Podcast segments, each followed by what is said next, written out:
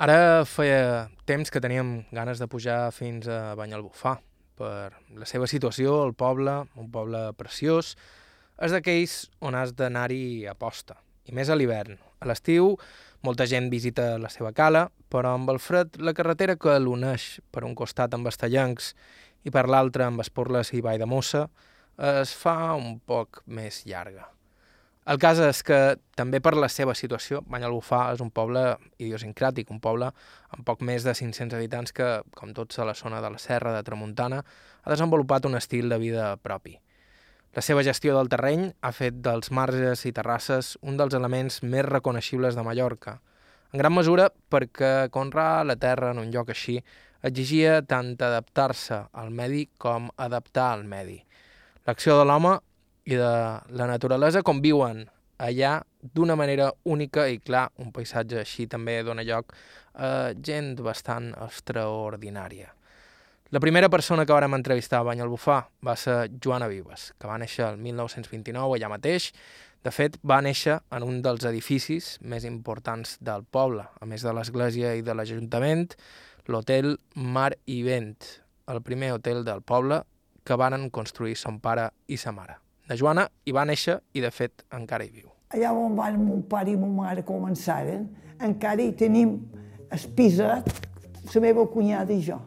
Ara la meva cunyada i jo vivim a dos balcons, a dos balcons que hi ha a la fatxada, bueno, no, un està a l'altra casa, però els dos, dos, dos balcons hi ha a la fatxada. Són el nostre piset. La seva cunyada es diu Francisca Vic, és més jove que ella, va néixer el 1936, i també la vàrem entrevistar. Totes dues conviuen a l'hotel, on han fet feina tota la vida, ara, com tants altres establiments turístics, tancat per reformes aprofitant la temporada baixa. El Mar Vent és un hotel petit, amb unes vistes sobre la mà increïbles, construït, com totes les cases de la zona, sobre una orografia empinada, Banyalbufar, és tot pendent terra avall, en direcció a la mà. Na Joana i na Francisca m'ensenyen fotografies de quan es va obrir, el 1931. Llavors, l'hotel eren quatre habitacions que a poc a poc varen anar engrandint a mesura que anaven comprant les cases que tenien a costat i costat. A una d'aquelles fotos apareix la família de na Joana, tots mirant a càmera en un camí de terra que deu ser la carretera que ara du al poble. Han passat 89 anys des de que va fer-se aquella fotografia. Tots els que hi apareixen ja no hi són, excepte na Joana. Estau escoltant Aire a IB3 Ràdio, vos parla Joan Cabot. Començam.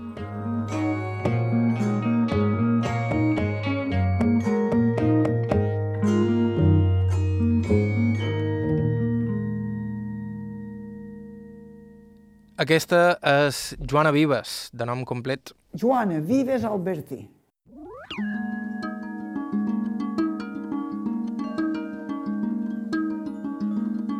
La meva fetge de naixement és, ah, no sé si som dia 29 o dia 19, dia, dia 19, dia 19 de juny de 1929.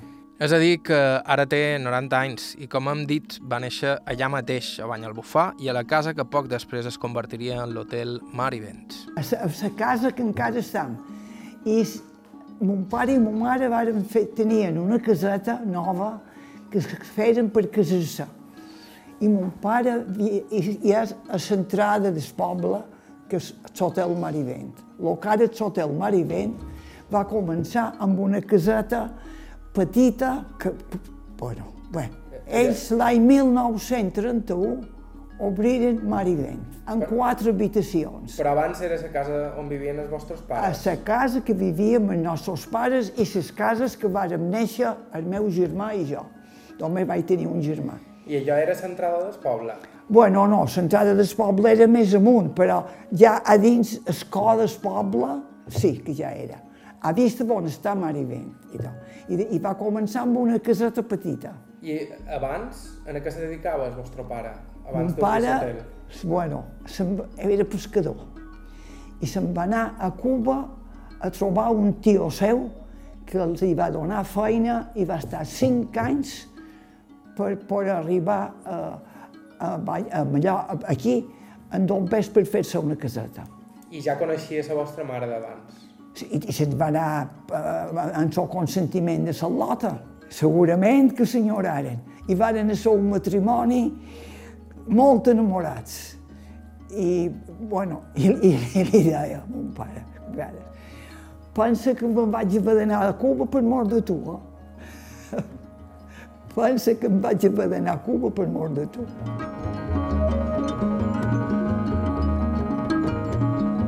Quan va tornar, la va, va trobar els seus braços oberts i se van poder casar. No, primer van fer la casa. Abans de casar-se van fer la casa.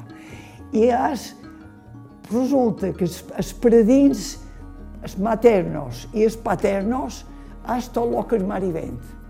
Les dues cases, una estava baix i l'altra estava dalt. Però les dues cases estaven, eh, els terrenos estaven afits. L'hotel Marivent, com deia la Joana, va ser el primer de bany al Bufar i va obrir només un parell d'anys després que nasqués ella mateixa. 1931, sí, fa un parell d'anys, 1931. Al principi era un hotel humil, petit i amb poques habitacions. Un hotel de família. Començaren amb quatre. Començaren amb quatre habitacions. I teníem després una casa en el costat i van començar a arreglar les altres habitacions del costat. A poc a poc, a poc a poc se van ampliant i van fer obres. I van tenir l'avantatge que teníem el terreno de, de baix, de la de l'hotel, per poder fer terrasses. Vàrem tenir, tenien, els predins tenien una casa en terreno al fora.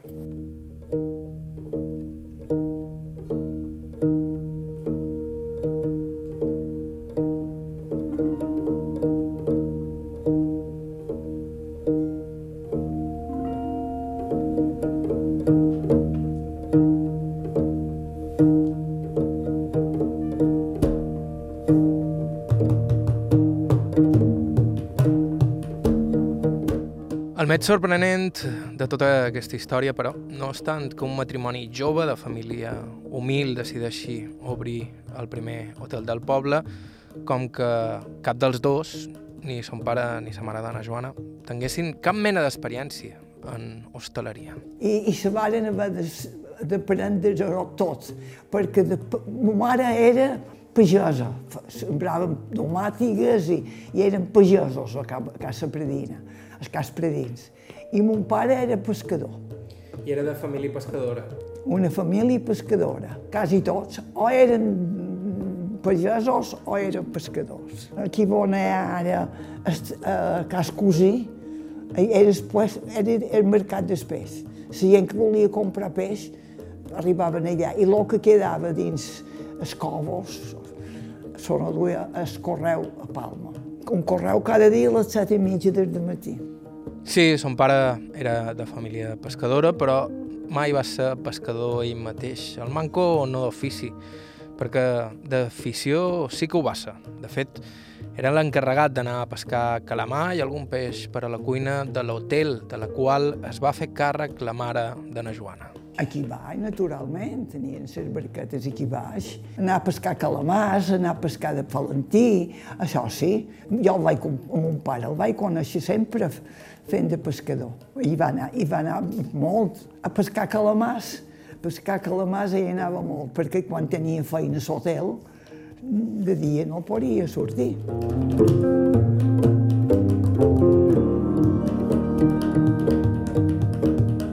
mare se va, se va aprendre molt de la cuina. Bueno, quan començaren, sabia bé, ma mare sabia fer bullit, sabia fer una sopa i sabia fer aquestes coses. Però els mateixos, les mateixes clientes que, se varen, que, que eren més, més amigues seves, li varen ensenyar a fer molt de plats. Canelons se'n va fer molts, escaldons, frit de peix, arròs de peix, venia, molts venien a posta per menjar arròs amb peix. I mon pare li pujava el peix. Mon pare li pujava el peix i ella veia tot això. Però feien menjar purament mallorquí. No, no, una, una mestra que tinguérem, doña Assumpció, que va estar hospedada a l'hotel, li va ensenyar a fer canelons. Va tenir molt d'èxit com a cuinera, ma mare. I, i, i cuidar, i tenien un, a, a, damunt l'hotel, encara les tenim, a, a tres marjades, i hi tenien les gallines, hi tenien els porcs, sembraven domàtigues, sembraven patates, molta cosa ho sembraven. A més de fer feines de l'hotel, també feien feina de, de, de, de pagesos.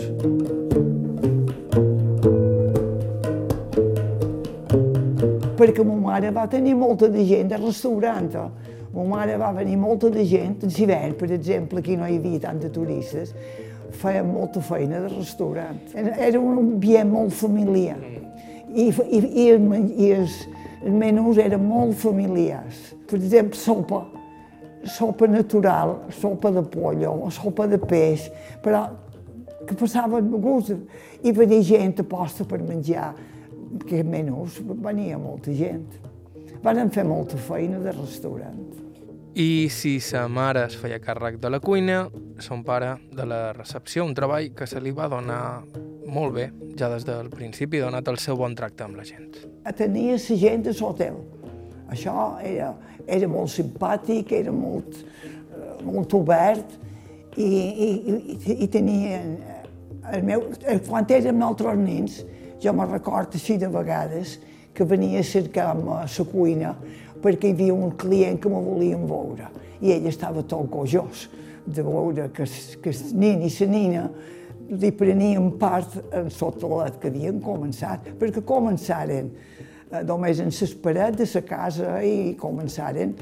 Van tenir anys difícils, però amb molt, amb molt d'entusiasme. I s'havia d'aixecar cada matí i anar a pescar calamars. Anava a pescar calamars, pujava prenia el desayuno, no servia de servir desayunos.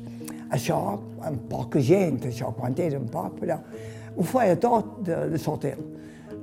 Atendre la gent, s'havia de cuidar del, del camp, el que sembraven, i, i, i sempre tenien qualcú que, que els ajudaven, però ells tot el que podien fer ho feren ells.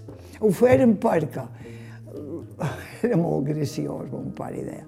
Sempre ha anat just de bombers però quan compràrem, quan començàrem l'hotel, llavors sí que no en tenia.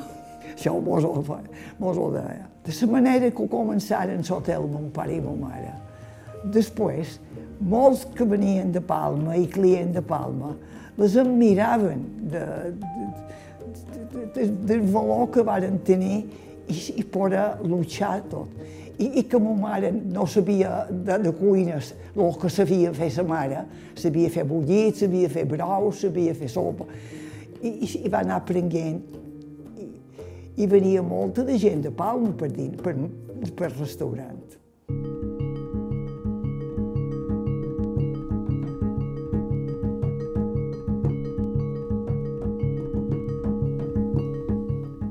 Resulta divertit imaginar-se aquella parella, son pare i sa mare d'Anna Joana, tot dos sense preparació, de sobte fent-se càrrec del primer hotel de bany al Bufar. I no degueren tenir fàcil, perquè a més d'aprendre a cuinar i dur el negoci, varen topar-se molt prest amb anys durs.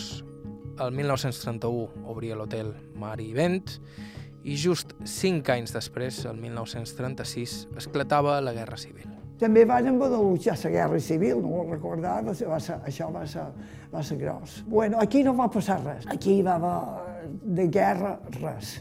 La gent, la gent d'aquí era pacífica. Jo, jo el que me record, que, que, que els nens, quan entraven una, a una ciutat o l'altra, feien una festa cantar, feien un desfile i anaven per el món, feien ossos, pujaven una finca o l'altra, i, i, i, i els falangistes cantaven. Hi havia un moviment a dins del poble, però un moviment pacífic. Va afectar, va afectar però ho lucharen sembrant, perquè se, se sembraven més domatigueres i sembraven això. I, i també, a part, del, del peix que agafaven, tenia una venedora de peixes pol, a, a, a Palma, en el mercat de Palma, i el correu, si teníem una bossa de calamars o tenia res, el mestre Pep, aquí havia el xofer, dues el peix a vendre. Se defensaven pescant, sembrant i fent feina a l'hotel. Malgrat la guerra, amb l'obertura havien arribat els primers clients. A poc a poc varen començar a aparèixer els primers turistes, sobretot en el seu cas britànics. Bueno, els primers clients que venien eren mallorquins, però molt aviat començaren a venir inglesos. Molt aviat començaren a venir inglesos. I uns enviaven els altres. I n'hi ha que han vengut fins ara. Els primers clients que venien eren molt simpàtics i eren molt... Però, quan un, un infant no, no sap els clients que venien, però una classe mitja inglesa va venir molta de gent aquesta, perquè van venir molt d'anys eh, després. Tornaven, tenim un llibre que mos firmaven i molts havien vengut ja no sé quantes vegades. I això és el començament, el principi. Com ha explicat la Joana, el Marivent era un hotel familiar. Gairebé tothom que hi feia feina estava lligat d'una manera o altra a son pare o a sa mare. I ella i el seu germà varen començar a ajudar-los des de ben petits. La Joana, des dels 6 anys, cada dia en sortia de l'escola. Jo vaig anar a escola fins als 14 anys. Jo sí, vaig anar sempre a l'escola nacional d'aquí. Aquí era, era part de l'escola. Aquí, aquí baix era l'escola de nens i les nines estàvem aquí alt.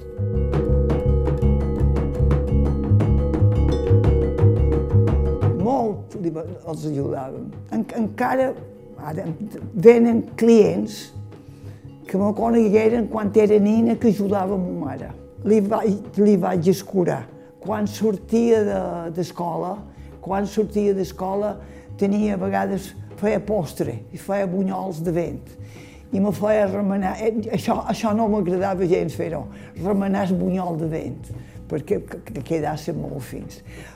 Les coses que jo podia ajudar a ma mare, en tot li, li havia d'ajudar. Jo, en l'estiu, no vaig poder anar a nedar, perquè havia d'ajudar a ma mare. Quina edat teníeu quan vareu començar a ajudar els vostres pares? Sis anys. Sis anys, quan sortia de costura, quan sortia de costura, ma mare, quan no s'hi formés, me tenia per escurar un poquet, o pelar patates. Quan sortia, això, el que no m'agradava gens era remenar bunyols. El meu germà ajudava més a mon pare a servir i a la taula, això. I jo ajudava més a ma mare. Així que tant el seu germà Toni com la Joana varen haver d'aprendre idiomes des de ben petits, uns idiomes que na Joana encara maneja amb certa fluidesa. La Joana inclús jugava i s'escrivia cartes amb els nins que estaven a l'hotel, amb els que jugava contínuament. A ella també li agradava explicar les petites coses de la vida quotidiana del poble als turistes. Primer vàrem estudiar, el meu germà i jo, vàrem estudiar francès en la professora del poble, però molt defensàvem en francès i després hem estudiar anglès a la Berlitz en el correu, tres dies a la setmana, i després alemany. Érem molt jovenets i ja anàvem a estudiar idiomes. Perquè sabien idiomes, els vostres pares? No, no en sabien, no en sabien, però va ser un home molt intel·ligent, mon pare. Aprofitava totes, totes, totes les coses que podia. M'escrivien, si venien infants i se feien amics meus, m'escrivien i jo també li contestava les cartes, allò jugaven tots, exacte, i les m'enduia a jugar pel poble. Ah, sí? Sí, de famílies franceses en venien moltes i, i m'enduien nins a, a jugar, els infants, anava, veníem aquí a la plaça, aquí a la plaça hi havia un edifici que li dèiem la taverna i tenia una paret grossa i veníem a jugar a passada, a passada i a jugar aquí. Aquí, aquí vaig créixer jo, en aquesta plaça. Tiràvem la pilota, la pilota a la paret i l'anàvem agafant. Això li dèiem passada. Bueno, conions mos agradava molt. Conions mos agradava molt. I també eh, jo m'agradava molt jugar a casa nostra, en som com en, amb munyeques, teníem un cuinetes i, i fèiem coses, un, uns jocs familiars, un joc de casa. Els conions, els mos encalçàvem, érem una pandilla, per exemple, teníem el, punt fitxo a la plaça i érem uns, uns que mos cercaven i les altres que mos amagaven. I, I anàvem a jugar per carrers de per aquí baix i mos amagàvem, o bé si fos a l'estable, no, no diré a però allà on trobàvem puesto que, que trobàssim qualque porta oberta. Jo vaig jugar molt, vaig ser molt jugadora, molt jugadora.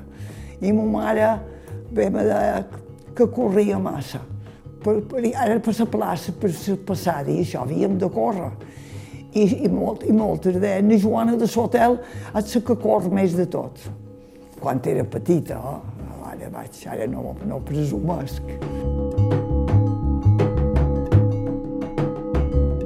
Està molt xerradora i he contat la manera de viure de la gent del poble els ha agradat molt en els estrangers que els ho contàs. Uh, això de passejar-nos els diumenges, uh, els companys meus, els al·lots venien a acompanyar-nos i tal i qual.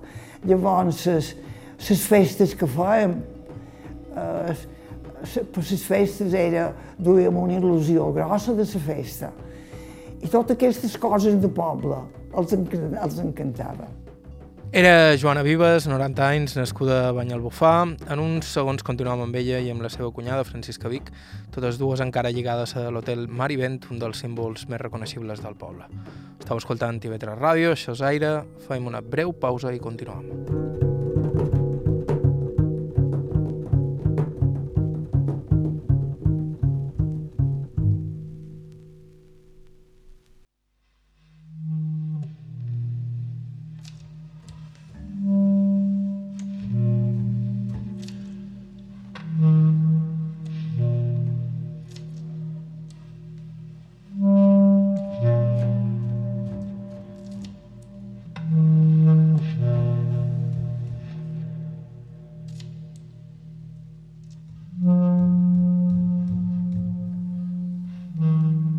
Hola de nou, estàu escoltant Aire a IB3 Ràdio, us parla Joan Cabot. Avui som per Banyalbufar, un dels paisatges més impressionants de la Serra de Tramuntana, i estem escoltant les memòries de Joana Vives, nascuda el 1929, i en uns segons també les de Francisca Vic, la seva cunyada, nascuda l'any de la guerra, el 1936.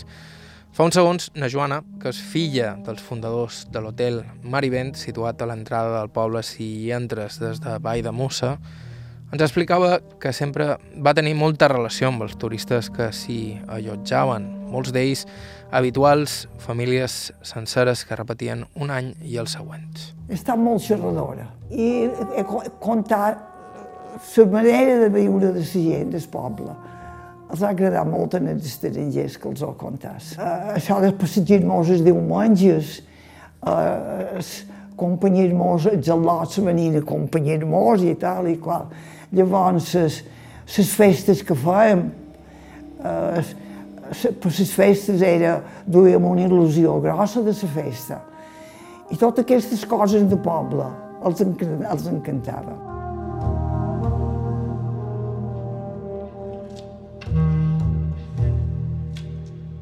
Per setembre són les festes, dia 8 de setembre. I, i a vegades comencen dos dies abans o dos dies després. I com eren quan éreu joveneta? Bueno, va costar molt dur amb ell de Ferrat. Boleros, feien molta festa a l'església i, i, i les nines, quan eren petites, ens ensenyaven a ballar boleros. I per la festa que, que, sabien ballar, perquè jo no vaig ser molt balladora, vaig ser més corredora que balladora.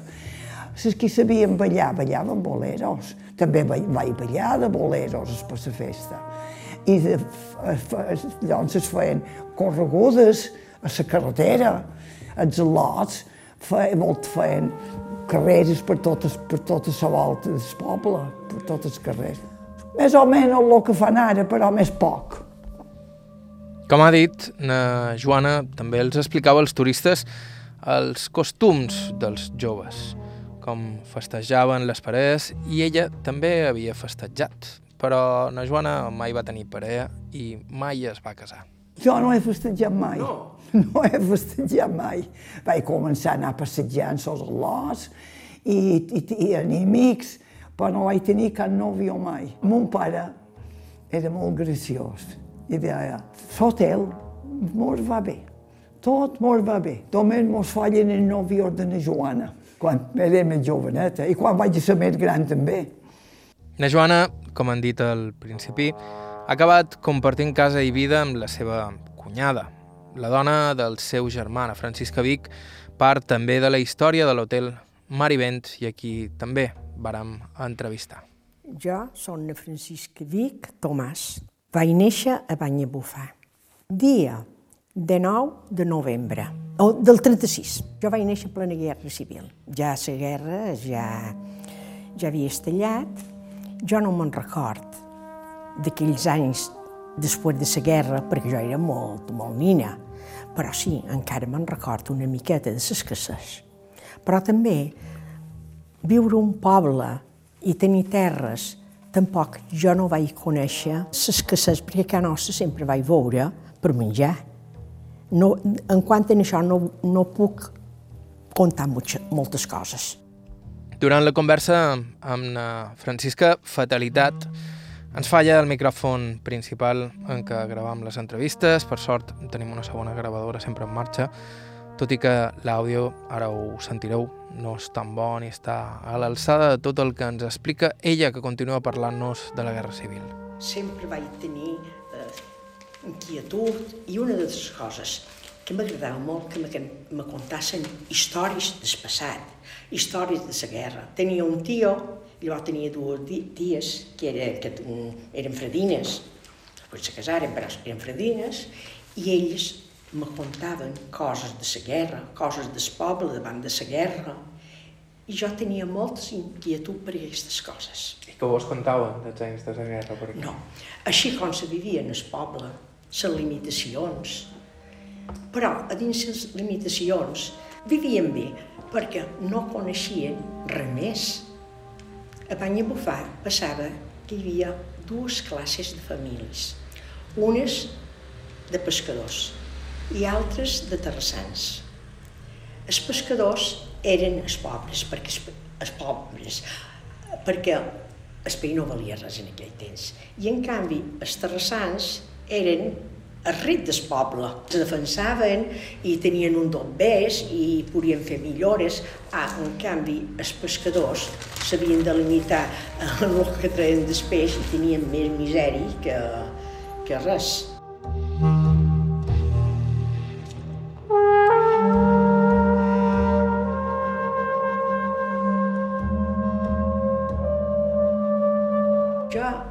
conèixer, vaig conèixer bastant de pescadors en el poble. Uns tenien les barques a la galera, que hi ha una cala més allà, i altres les tenien, les tenien en el port aquí baix. I també n'hi havia que les tenien a la Pere de Sasa, que és després de la Torre de les Ànimes, que hi ha un portet allà. Jo en això sí que ho vaig conèixer. Sí, n'hi havia bastantes, perquè hi havia bastantes famílies en el poble que s'hi vivien després. Passava que, clar, els pares ja havien, havien estat pescadors i després els fills seguien en la barca familiar, perquè eren bastant grosses aquestes barques, en la barca familiar i els, i, els, i els germans anaven junts. Això sí que jo encara ho vaig conèixer. Eh?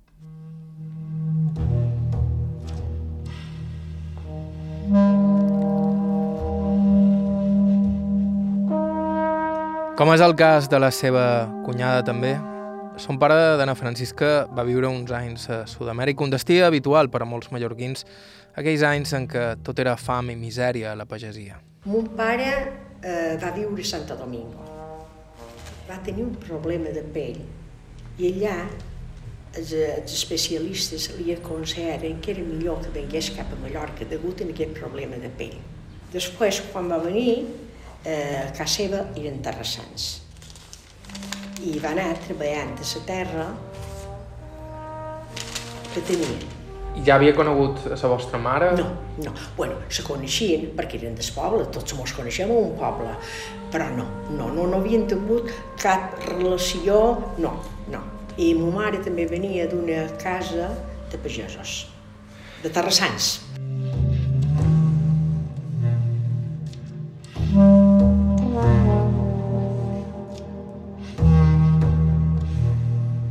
Tenien finques i feien de tot, feien de tot, però principalment la domàtica, sobretot la domàtica de Ramellet. És que se vivia de... És que pràcticament Banya Bufar se vivia de la domàtica. Se vivia de la vinya, Banya Bufar. Se vivia de la vinya. Però després de, de l'epidèmia de la filocera eh, van implantar la domàtica per tenir una manera de subvivència. I aquesta raça de, de domàtica eh, anava molt bé per la terra de Banya Bufar. Hasta se va importar domàtica de banya bufar a Barcelona, domàtica de Ramellet. Aquesta raça de tomàtica de ramellet, de la que parla Ana Francisca i que va donar tanta anomenada al poble, per desgràcia ja no existeix. Avui dia ja ha desaparegut i no es pot tastar. No existeix, perquè diuen domàtica de ramellet i la raça que hi havia a banya bufar no existeix. No, s'ha perdut. És una llàstima, perquè era una domàtica més petiteta. No era una domàtica grossa, era una domàtica petiteta. Però era una domàtica eh, dolça, una domàtica molt bona.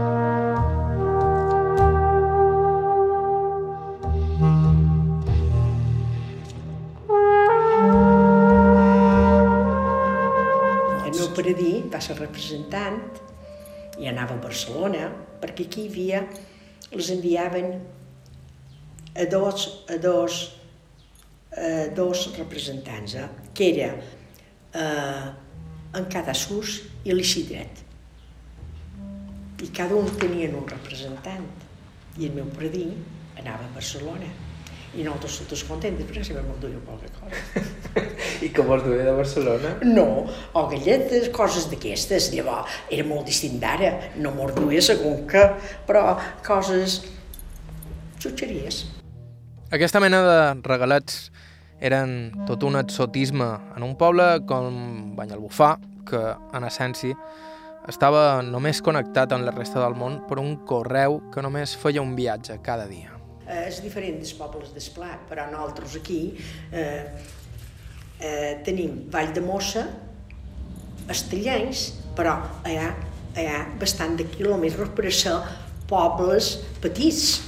Jo vaig conèixer sempre Sí, va haver un correu, correu cada dia, un correu, un correu que cada sortia dia. a les 7 del matí i tornava a les 4 de, de l'hora baixa i després els carros perquè els pagesos eh, duien dues vegades per setmana el gènere a Palma. A més de la tomàtica i el vi, dels que ja han parlat, a Banyalbufar, com a tota la serra de Tramuntana, l'altre gran cultiu era el de l'oliva, un cultiu que era el que més sovint es trobava a les grans possessions. Aquí en el poble no li, el nom no era de possessió, la baronia.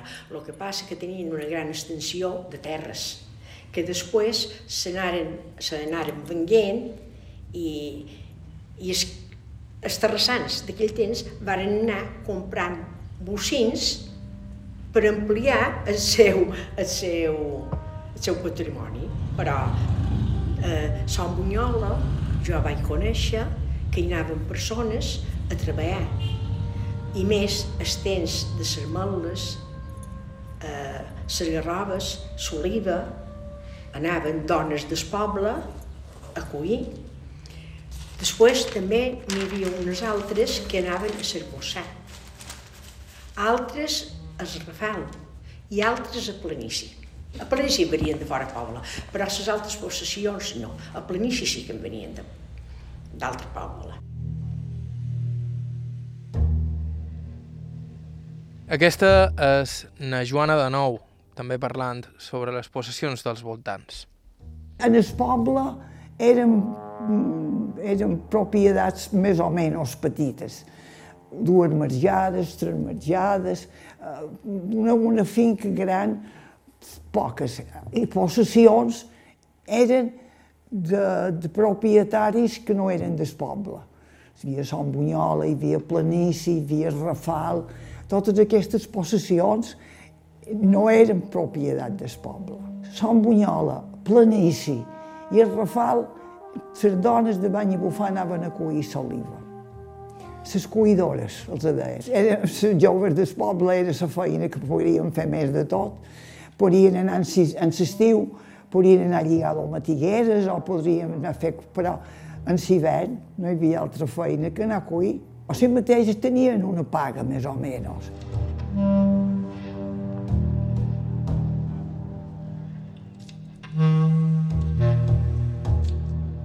Com és el poble quan era petita, no ha canviat molt. D'edificació no ha canviat molt, era més o menys. Molt més senzill, hi havia més carros, hi havia mules, els pescadors eren pescadors per, per viure, era més humil. Ara, ara és un poc més...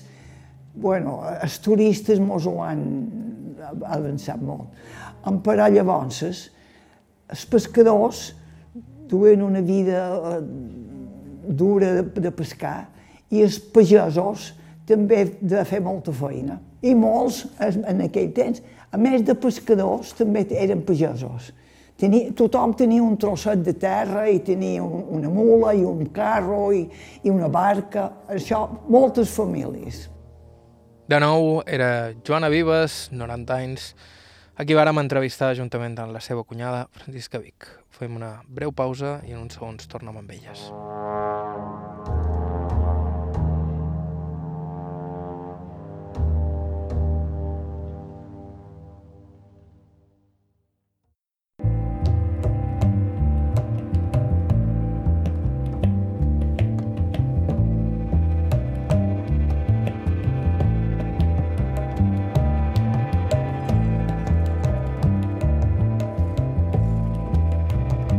Hola de nou, això és Cibetres en Ràdio. Estau escoltant Aire avui en companyia de dues cunyades, Joana Vives i Francisca Vic, totes dues de Banyalbufar, i residents en un dels indrets més privilegiats del poble, pot ser fins i tot, podríem dir, una de les terrasses més increïbles de Mallorca, la de l'Hotel Marivent.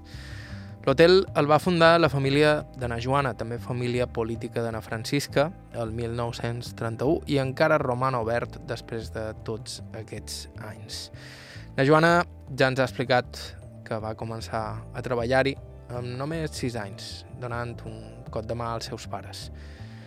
El camí fins al Marivent de na Francisca va ser un altre, el del matrimoni. Ella venia d'una família pagesa i va començar a festejar amb el que seria el seu home amb de 9 anys. Als 21 es va casar i va entrar a fer feina a l'hotel familiar. Jo tota la vida vaig estar a Banyamufar i jo anava per les terres, eh, però jo a 16 anys vaig anar a escola. I després, sí, ajudava, però també ma mare eh, mos va posar, bueno, jo som de la professió de les tontes. Clar t'ho dic, me miren, sí, haver de dir així.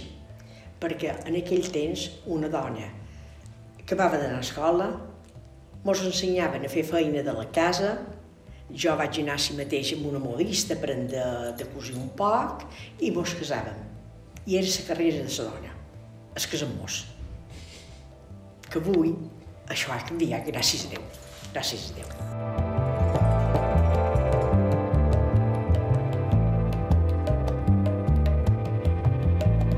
Sí. Jo vaig ajudar a Can Nostra a fer feina fins que me vaig casar, fins que me vaig casar.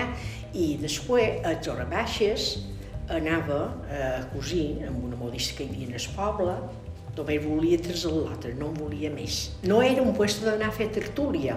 Hi anàvem allà perquè mos ensenyava i nosaltres li ajudàvem a ella. Era molt bona modista i tenia molta feina i nosaltres, clar, quan, quan vam saber més o menys eh, cosir, li ajudava. Això va ser la meva vida de fredina, eh? i després me vaig casar. I aquí torna l'àudio bo i continua el relat de la Francisca. Jo, quan vaig començar a sortir, eh, en Antoni tenia de 9 anys, de 9 anys. I als 60 mos casàrem. Sí, vaig haver de canviar completament perquè vaig venir a un hotel i jo no tenia la més petita idea de lo que era un hotel, però me vaig adaptar molt bé i com que era un hotel familiar, i vaig ser sempre aquí molt feliç en la feina que feia. I quines feines fèieu? De tot. Jo he fet de tot aquí. Jo anava allà on feia fer, con Joana, allà on anàvem allà on feia falta. Si havien de dar ordres, dàvem ordres. Si havien de servir, servíem. I si havíem de fregar, fregàvem.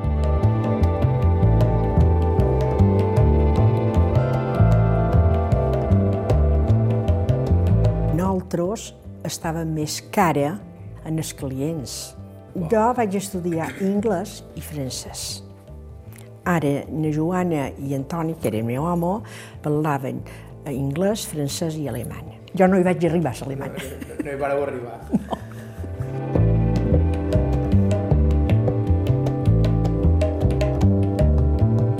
Encara ara venen molt d'inglesos.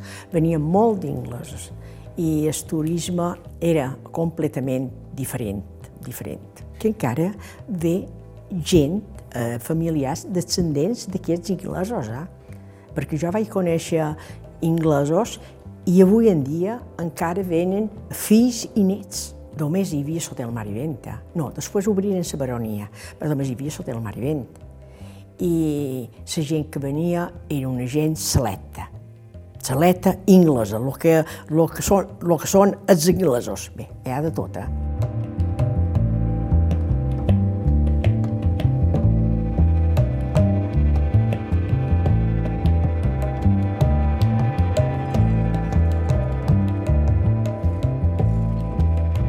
Aquells turistes del mar i vent venien d'un altre planeta. A les illes encara hi imperava una mentalitat molt conservadora, cosa que es notava especialment a zones com Banyalbufar, de costa, on els banys posaven a prova les convencions socials. Sí, el que hi havia, una part que hi anàvem i una altra part que no hi anàvem, degut a la mentalitat dels pares. Mo mare sempre va tenir un pànic en els safarejos. I de petits, mon pare ja me'l va ensenyar a nedar. I érem dels pots del poble que sabien nedar. Els al·lots sabien nedar, però les, al·lotes no sabien nedar. I era degut que els pares no les deixaven anar a nedar. Però nosaltres sí que hi anàvem. Jo sempre hi vaig anar. I vaig ensenyar a molta de gent a nedar, la Joana mateixa. Va aprendre de nedar perquè anava a Sant Hugo, no sé on anava, però la Joana mateixa no sabia nedar. Jo anava a cercar companyeres per anar a nedar, i les mares quasi mos treien de fora i mos deien, la mà fa forat i tapa. Era una indecència, llavors. Però nosaltres no mos mesclàvem amb els joves, eh? i nosaltres anàvem a nedar. Una cosa que feien moltes al·lots en aquell temps, que jugaven a futbol, a damunt les algues, jugaven a futbol, i nosaltres mos posàvem més a la part de les roques, prenguent el sol, i, des, i mos tiràvem a l'aigua en tant, en tant en quant. Venia qualque lot, però no mos espantàvem. Feien el que havien de fer, feien les coses bé i res més. Jo, gràcies a Déu, vaig tenir un pares molt lliberats. Siria perquè mon pare havia viscut a Santo Domingo, però ma mare se va adaptar molt bé a mon pare. I ells eren catòlics i practicants. Tinc una germana monja, però van ser uns grans pares, perquè ens ensenyaren molt clar de petits ja el que era la vida. Coses que hi havia moltes famílies que en aquell temps era un pecat. I costa. Mon mare tenia una, una, una tia religiosa, mon pare un tio capellà. I el meu predí de fons va ser també un sacerdot. Eh? Però sempre em varen tenir molt present que havien de saber nosaltres mateixes el que estava bé i el que no estava bé, lo bo i lo dolent, que havien de ser conscients. Ara també te diré que no mos deixaven fer certes coses pels que diran, que ara no se mira, gràcies a Déu. Però en aquell temps se miraven aquestes coses.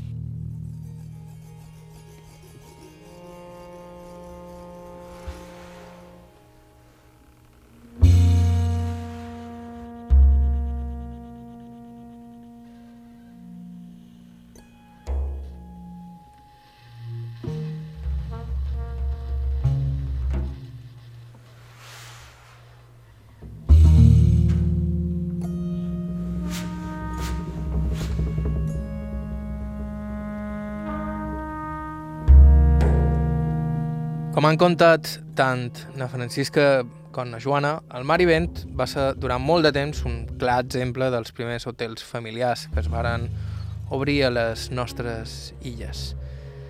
Per allà, de fet, encara hi passen alguns dels descendents dels primers clients de l'hotel, com explica molt bé na Joana. Jo moltes vegades estic a dins un saló de baix, que està de vora una finestra i això, i entra gent, entra gent. Oh, Juanita, oh, Juanita, és que... Ai, ai, tothom té una alegria de veure-me, com jo tinc una alegria de veure-los. Jo el que me passa que no sé, no, ja no me recordo tots. Jo pas i, i uh, accepto tot el que me diuen i, i com que tinc facilitat en els idiomes, va molt bé perquè puc, puc continuar amb ells. I encara, encara, encara xerrava amb anglès? Ja ho crec. I els alemans els he de dir sí, jo parlo un poc d'alemany, però és molt anglès el meu alemany, el masc, però, però m'entenen. M'entenen. Però francès i, francès i anglès encara, encara parlo molt de dies, molt de dies.